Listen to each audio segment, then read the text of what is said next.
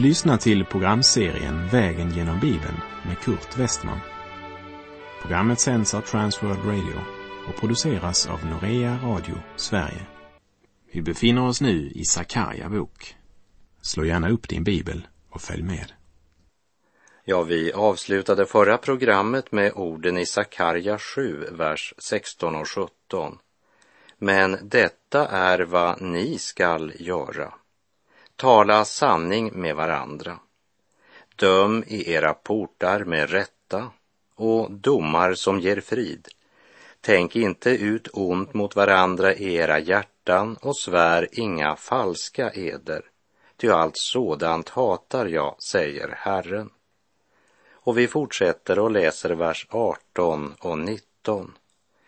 Herren Sebaots ord kom till mig, han sade, så säger Herren Sebaot.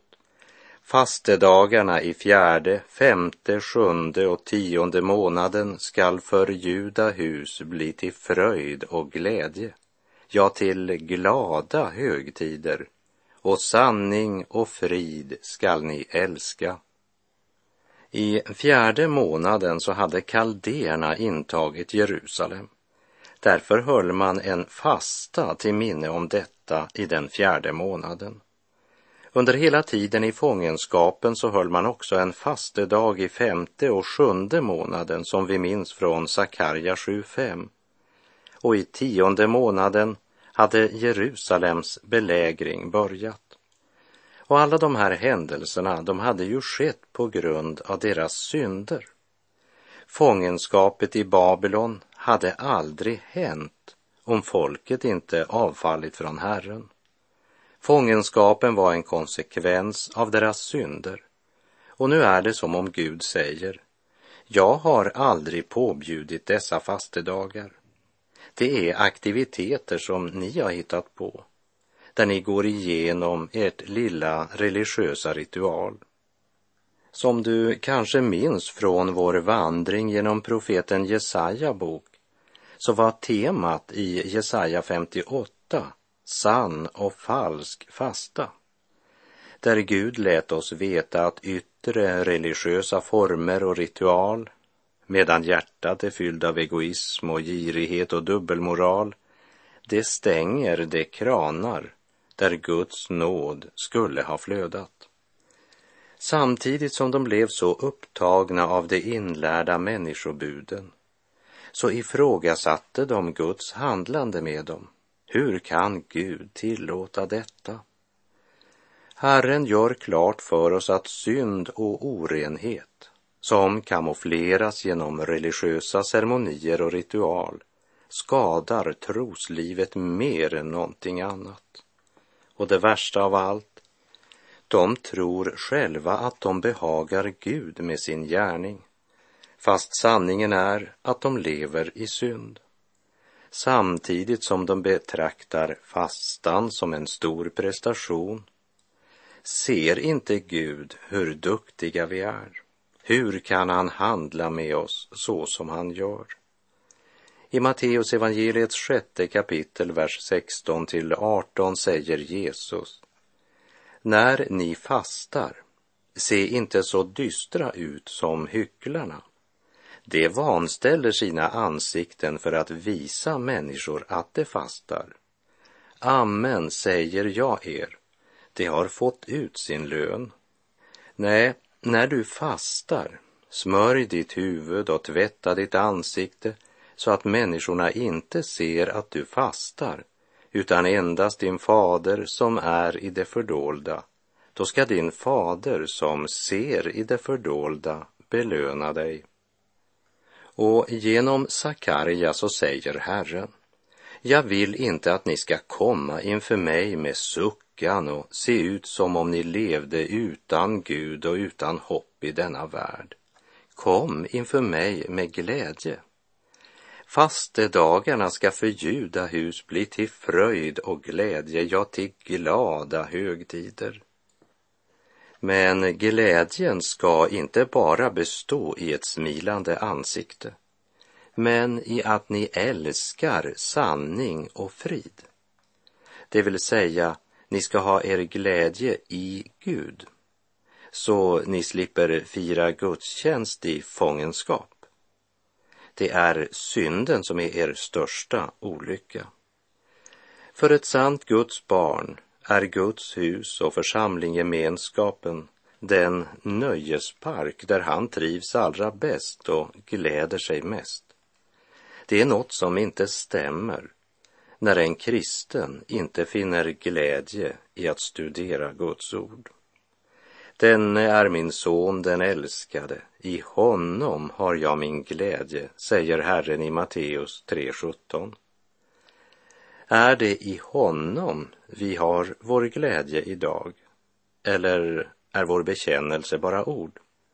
Så säger Herren Sebaot fastedagarna i fjärde, femte, sjunde och tionde månaden ska för Juda hus bli till fröjd och glädje, ja, till glada högtider.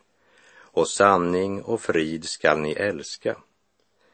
Och efter uppmaningen till Israels folk att vända fastedagarna till glädje och fröjd och att älska sanning och frid, så följer löftet om hedningarnas frälsning. Vi läser Sakarja 8, verserna 20 till och med 22. Så säger Herren Sebaot.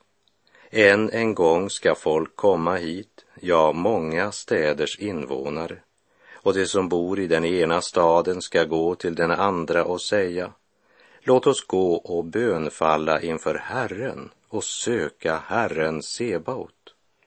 Jag själv skall också gå. Ja, många folk och mäktiga hedna folk ska komma och söka Herren Sebaot i Jerusalem och de skall åkalla Herren. Lägg märke till orden många folk och mäktiga hedna folk ska komma och söka Herren Sebaot i Jerusalem och det ska åkalla Herren. I Jerusalem, världshistoriens och frälsningshistoriens centrum i Guds ögon är Jerusalem, inte Rom eller Genève, inte heller New York eller Stockholm, men Jerusalem. Jerusalem är inte något andligt centrum idag, men den dagen skall komma, säger Herren, då de som bor i den ena staden ska gå till den andra och säga, låt oss gå och bönfalla inför Herren och söka Herren Sebaot. Jag själv skall också gå.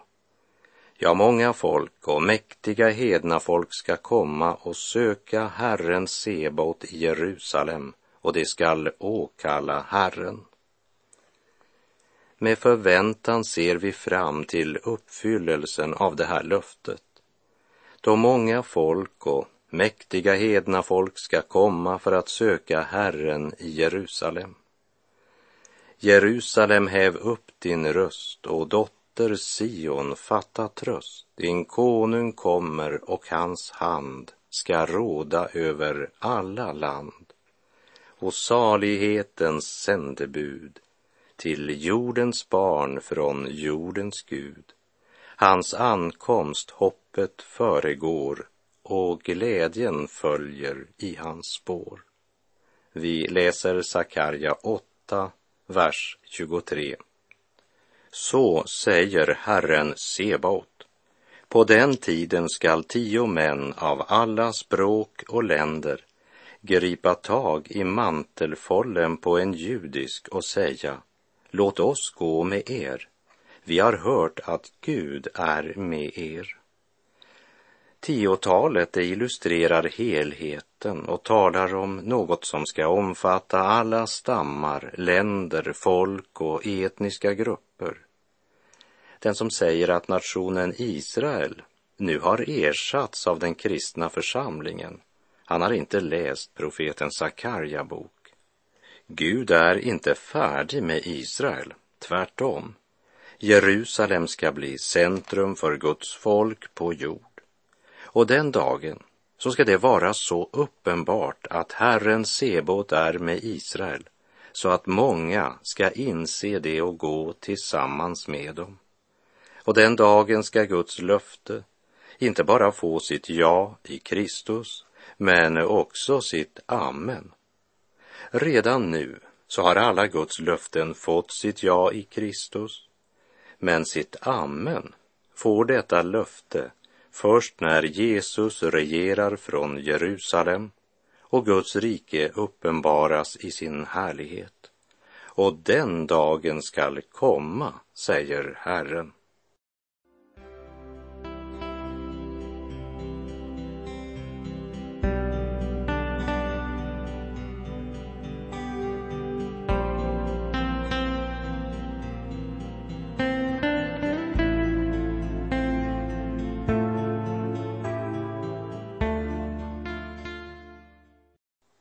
Vi har därmed kommit till kapitel 9 hos profeten Sakarja och därmed till det tredje och sista huvudavsnittet som vi kallar för de profetiska domarna. Och vi delar de sista kapitlen i två huvuddelar. Först avsnittet som profeterar om Kristi första ankomst, kapitlen 9 till och med 11. Den andra delen utgör det profetiska budskap som hör till Kristi återkomst i ära, makt och härlighet. Kapitlen 12 till och med 14. Den avdelning vi nu kommer till den täcker samma händelser som de tio syner Sakarja såg, men beskriver det från en annan vinkel.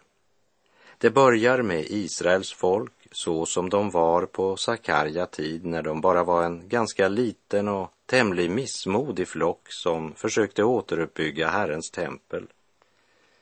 Gud uppreste profeterna Hagai och Sakarja för att uppmuntra och inspirera folket så att verket de påbörjat slutfördes. Sakarja börjar med ögonblicket och de lokala händelser och talar om den välsignelse som så tydligt skall kunna ses i den nära förestående framtiden. Gud skall välsigna. Sedan lyfter han blicken genom århundraden. Gud har en plan och en mening med Messias, den utlovade frälsarens ankomst. Och vi ska genom Sakarja få en inblick både i Messias första ankomst och hans återkomst i ära, makt och härlighet. Vid hans första ankomst så gick färdriktningen mot Golgata, törnekronan och korset. Andra gången skall han bära kungakronan och regera som den suveräne, kungars kung. I de första åtta verserna läser vi om den dom över hedna nationerna som verkställdes av Alexander den store. Ett anmärkningsvärt avsnitt i skriften. På Sakarja tid fanns det å ena sidan många modlösa. Samtidigt var det risk för att en och annan skulle bli för optimistisk. Nu är vi tillbaka till landet så nu kommer säkert tusenårsriket när templet är uppbyggt. Därför säger Sakarja, nej, löftet om en kommande Messias ligger långt fram i tiden.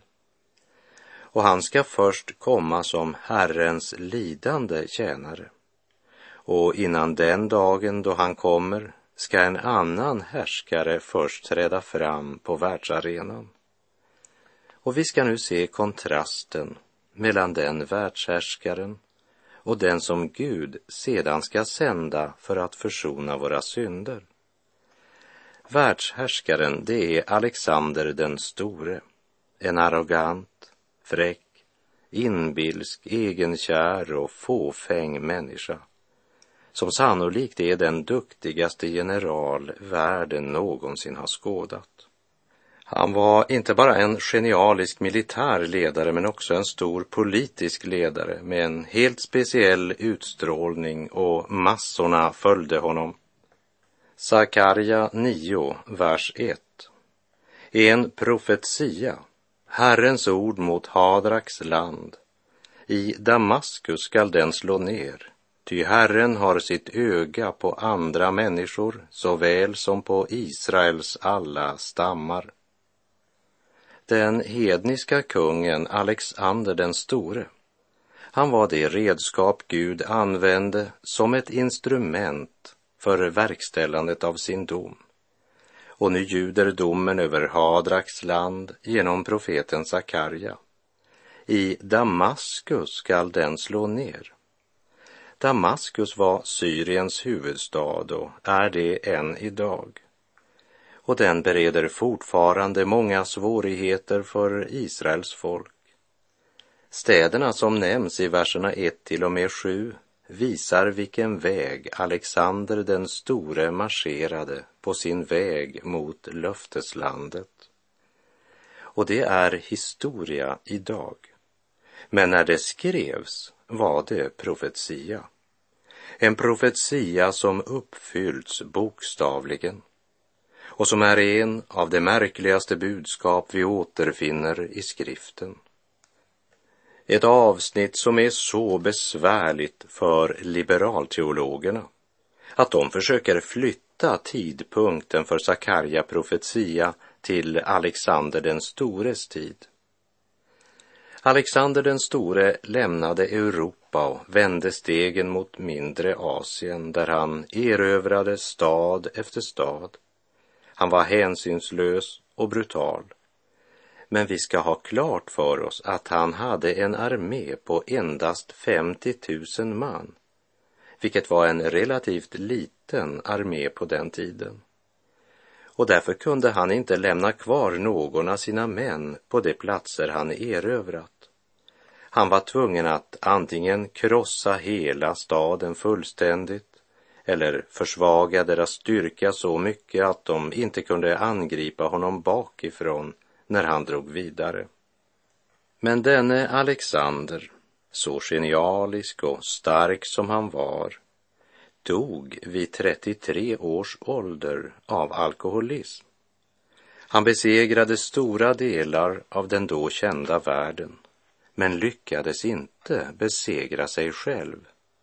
Hans nederlag kom inifrån. Det är anmärkningsvärt att han dog vid samma ålder som Kristus, 33 år.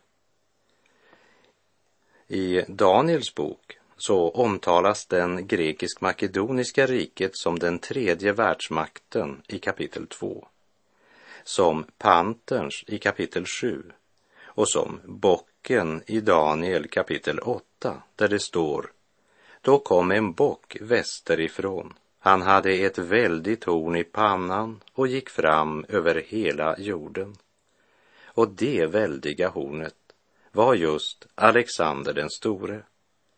Här i Sakarja kapitel 9 presenteras vi för Alexander den stores marschväg på väg mot det heliga landet och Jerusalem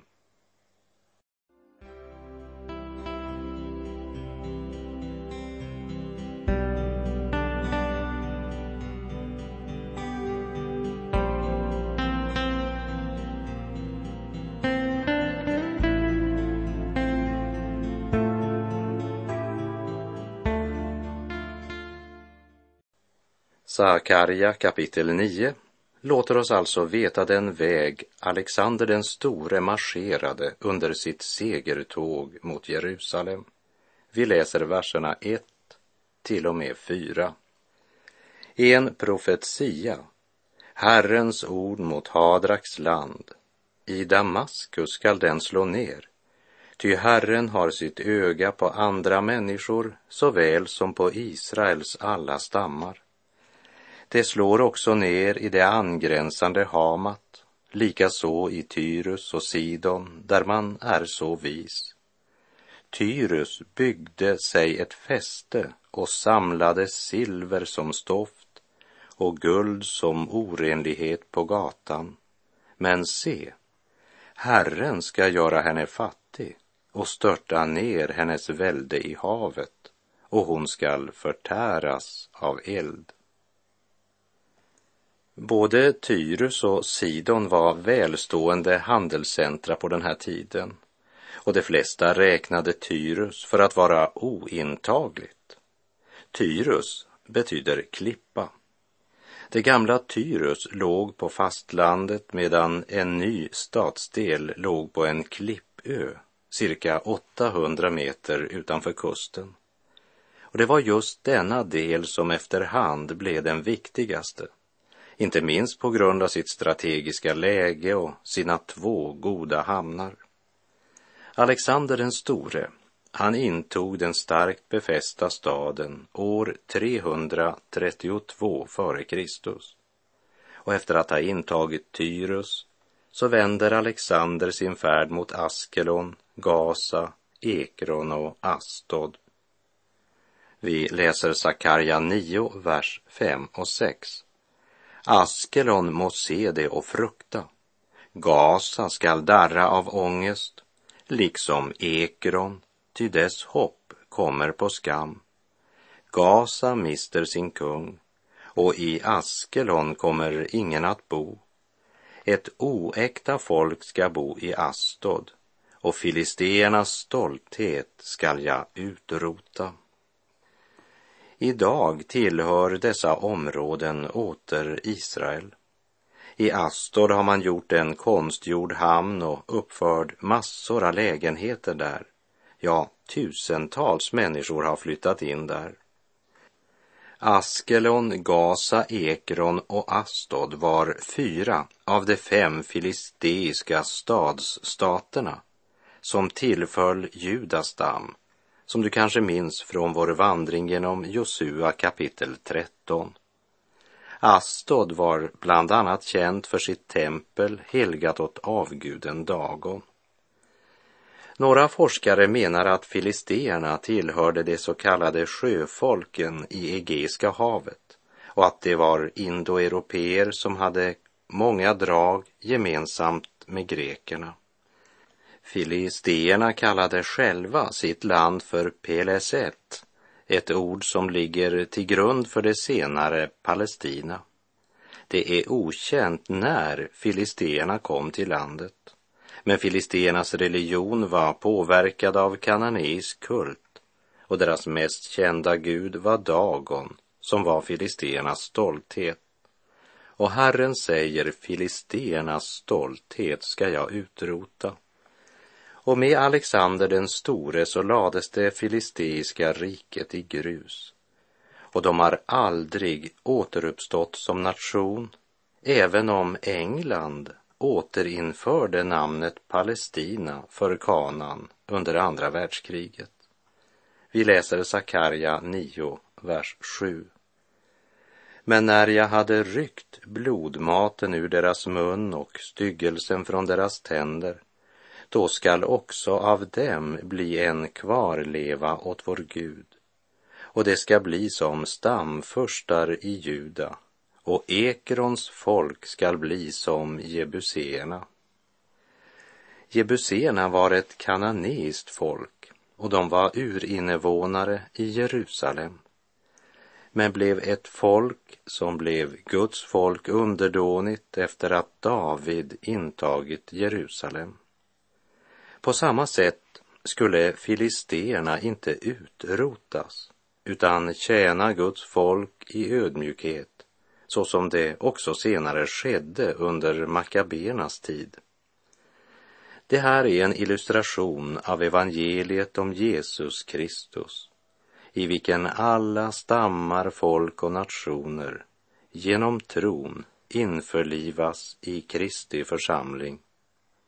Romarbrevet 10.12 säger, det är ingen skillnad mellan jude och grek. Alla har en och samma Herre och han ger sina rikedomar åt alla som åkallar honom. Och i Kolosserbrevet 3.11 här är det inte längre fråga om grek eller jude, omskuren eller oomskuren, barbar eller skyt, slav eller fri, utan Kristus är allt och i alla. Vi läser Sakarja 9, vers 8. Jag skall slå upp mitt läger omkring mitt hus, mot härar och mot den som kommer och går. Ingen förtryckare ska längre komma över dem, ty jag vaktar nu med öppna ögon.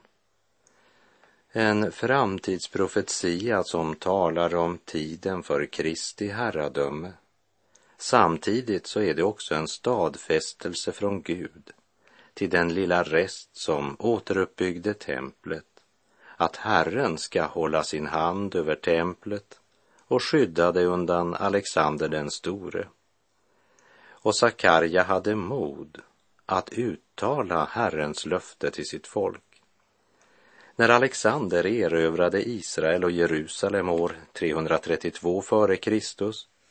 så behandlade han judarna med vänlighet och judiska soldater i hans här fick full religionsfrihet och templet fick stå orört. Men löftet om att Herren ska slå upp sitt läger omkring sitt hus, det väntar ännu på sin fullkomliga uppfyllelse. Den kommer den dagen då ingen förtryckare längre ska komma över Jerusalem, då Herren ska vaka över dem med öppna ögon. Jerusalem, Jerusalem som ovan till er byggt, ack inom dina portar först där blir lugnt och tryggt. Här faror städse möta mig och jämt till strids det bär och även när det är som bäst det kamp och möda är. Jag hör till dina fria barn, ty Jesus gjort mig fri från Satans band och lagens garn och syndens slaveri. Och sedan han av idel nåd har löst min arma själ, jag vara vill i Herren fri och ingen människoträl. Allt som på jorden aktas stort, ej fängslar mer min själ. Ty sedan jag på korsets trä i tron min Jesus såg, mitt mål står klart, jag vill blott ett, vad än det kostar mig. Jerusalem, Jerusalem, jag vill blott hem till dig. Trons liv har i högsta grad med ögonblicket och vår vardag att göra. Därför, kära vän, ljuder frågan. Vart står din längtan? Och vad bygger du ditt hopp på? Bröder, jag vill påminna er om evangeliet som jag predikade för er, som ni tog emot och står fasta i och genom vilket ni blir frälsta jag vill påminna er om orden som jag förkunnade, om ni nu håller fast vid dem. Annars var det förgäves att ni kom till tro.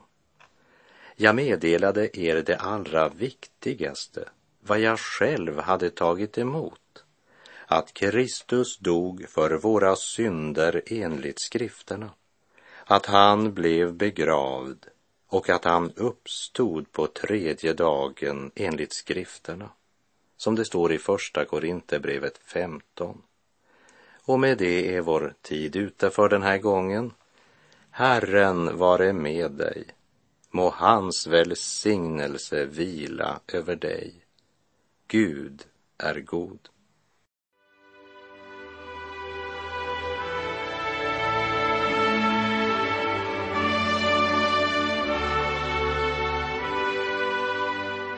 Du har lyssnat till programserien Vägen genom Bibeln med Kurt Westman som sänds av Transworld Radio. Programserien är producerad av Norea Radio Sverige. Om du önskar mer information om vårt radiomissionsarbete så skriv till Norea Radio Sverige, box 3419 103 68 Stockholm. Adressen är alltså Norea Radio Sverige box 3419. Postnumret 10368 Stockholm.